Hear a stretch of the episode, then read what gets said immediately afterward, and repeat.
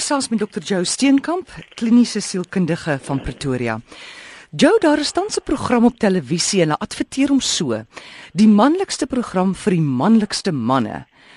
Nou wil ek by jou weet, wat is 'n manlike man en hoekom word daar nie ook soveel druk op vroue gesit om die vroulikste vrou te wees nie? Die mans is 'n bietjie van 'n pack animal. Hulle het nodig om by tye tussen ander manlike energie te wees. Dis daar seker subkulture wat ons hmm. kry. En vir sulke geleenthede is daar baie spesifieke aktiwiteite. Jy weet, mans hou van rugby, hulle storm mekaar vaslaan neer, jy weet hulle ja, met 'n bergfees van die berg af, val breek hulle skedel staan op en sê dit was nou baie lekker geweest. Hulle sou vir 2 ure om die vuur sit en nie 'n woord sê nie. En dan sal hulle opstaan en sê, jy weet ons gaan nou slaap, dankie vir die lekker gesprek.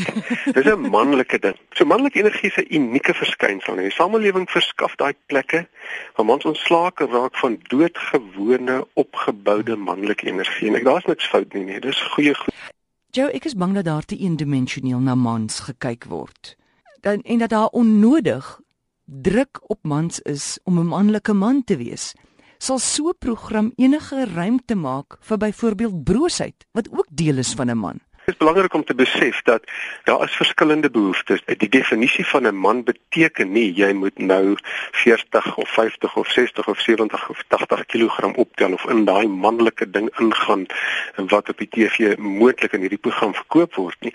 Wat ek wel sê is vir sekere mense is dit 'n plek waar hulle iets kan uitleef. En dis van. Kom ons kom terug na daai ding van man hou daarvan om in 'n jy weet daai trop gevoel om dinge ja, saam te ja. doen. Werk dit vir mans want daar is 'n wonderlike aanhaling van 'n Griekse filosoof wat gesê het meeste mans lewe lewens van stille desperaatheid. En as jy kyk in die pyn wat die wêreld is en die pyn wat waarin vroue en kinders is, en dan begin ek te dink hang maar ons mans is baie meer in pyn as wat ons besef in praktyk sien ons dit baie uh, dat mans kry swaar. Daar's 'n sindroom op die oomblik wat ons sien wat al hoe meer word en dit is moegheid gedaan. Hulle moet hard werk, hulle moet sorg vir hulle gesinne, hulle moet dinge aan die kook hou, hulle moet daai energie aan die gang hou. En die mense raak moeg, hulle raak gedaan, jy weet. En so ek wil met jou saamstem dat daar is tye van stilte nodig, daar is tye van rus nodig, daar is tye van ander aktiwiteite nodig, daar is tye wat ons by ons gesinne moet wees. Maar ons tyd raak al hoe minder want dit raak al hoe moeiliker om in die samelewing te oorleef want as baie kapitalistiese stelsel in die sin van dat ons met 'n geldjie hê om te kan leef en dit raak al hoe moeiliker om daai geldjie te maak. So jy weet ongelukkig uh het die balans bietjie uitgeraak. Jo, ek wil terugkom na die trop gevoel toe. Jy weet ek ja. voel half mans is vasgevang tussen John Wayne en Boksbane. Hmm. Nou is hulle daar lekker op 'n jag naweek maar jy weet o, oh, jy weet die macho ding.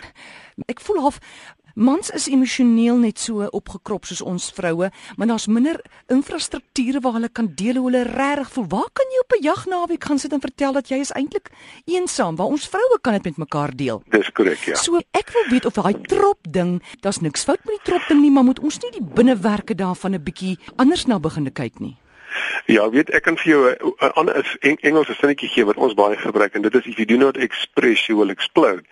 Daai sinnetjie sê vir ons baie goed. Ek ek stem met jou saam. Ek dink dis ook hoekom ons in praktyk baie meer mans kry wat kom vir konsultasies om daai ding te access, daai deel van hulle persoonlikheid wat net nêrens anders plek kry nie.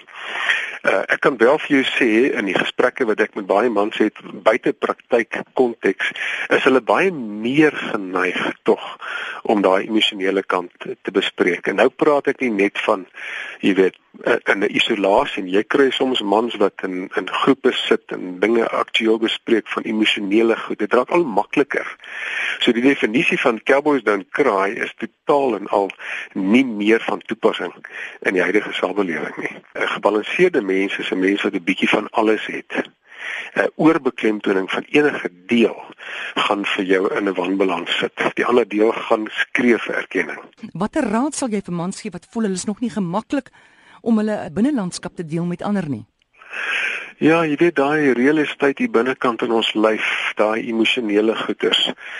As dit moeilik is in die begin, jy weet dan is my my antwoord daarop, gaan na iemand toe met wie jy 'n pad kan begin stap. Iemand wat jy in 'n vertrouensverhouding kan mee wees, 'n professionele persoon, 'n baie spesifieke vriend, iemand uh, op 'n ander vlak wat jy dink kan hoor wat jy sê, maar daar's 'n deel van ons wat gehoor moet word. En as daai deel nie gehoor word nie, dan is ons geneig om in kroniese ongemak aan te gaan. Dis angste, dis depressies, dis aggressiewe uitbarstings, dis nagmerries, dis al daai kroniese ongemak. So my raad aan mense wat nog nie daai pad gestap het en wat 'n behoefte het maar nie weet nie, is gaan klop aan die deur van iemand wat verkieslik professioneel in daai hoedanigheid staan en te sê luister ek wil 'n pad stap na myself toe want ek wil graag myself volledig wees. Want jy weet die interessante ding Amorey as ons gemaklik is in onsself as ons in ons vel inpas hoef ons niks te bewys nie want ons leef ons is uit.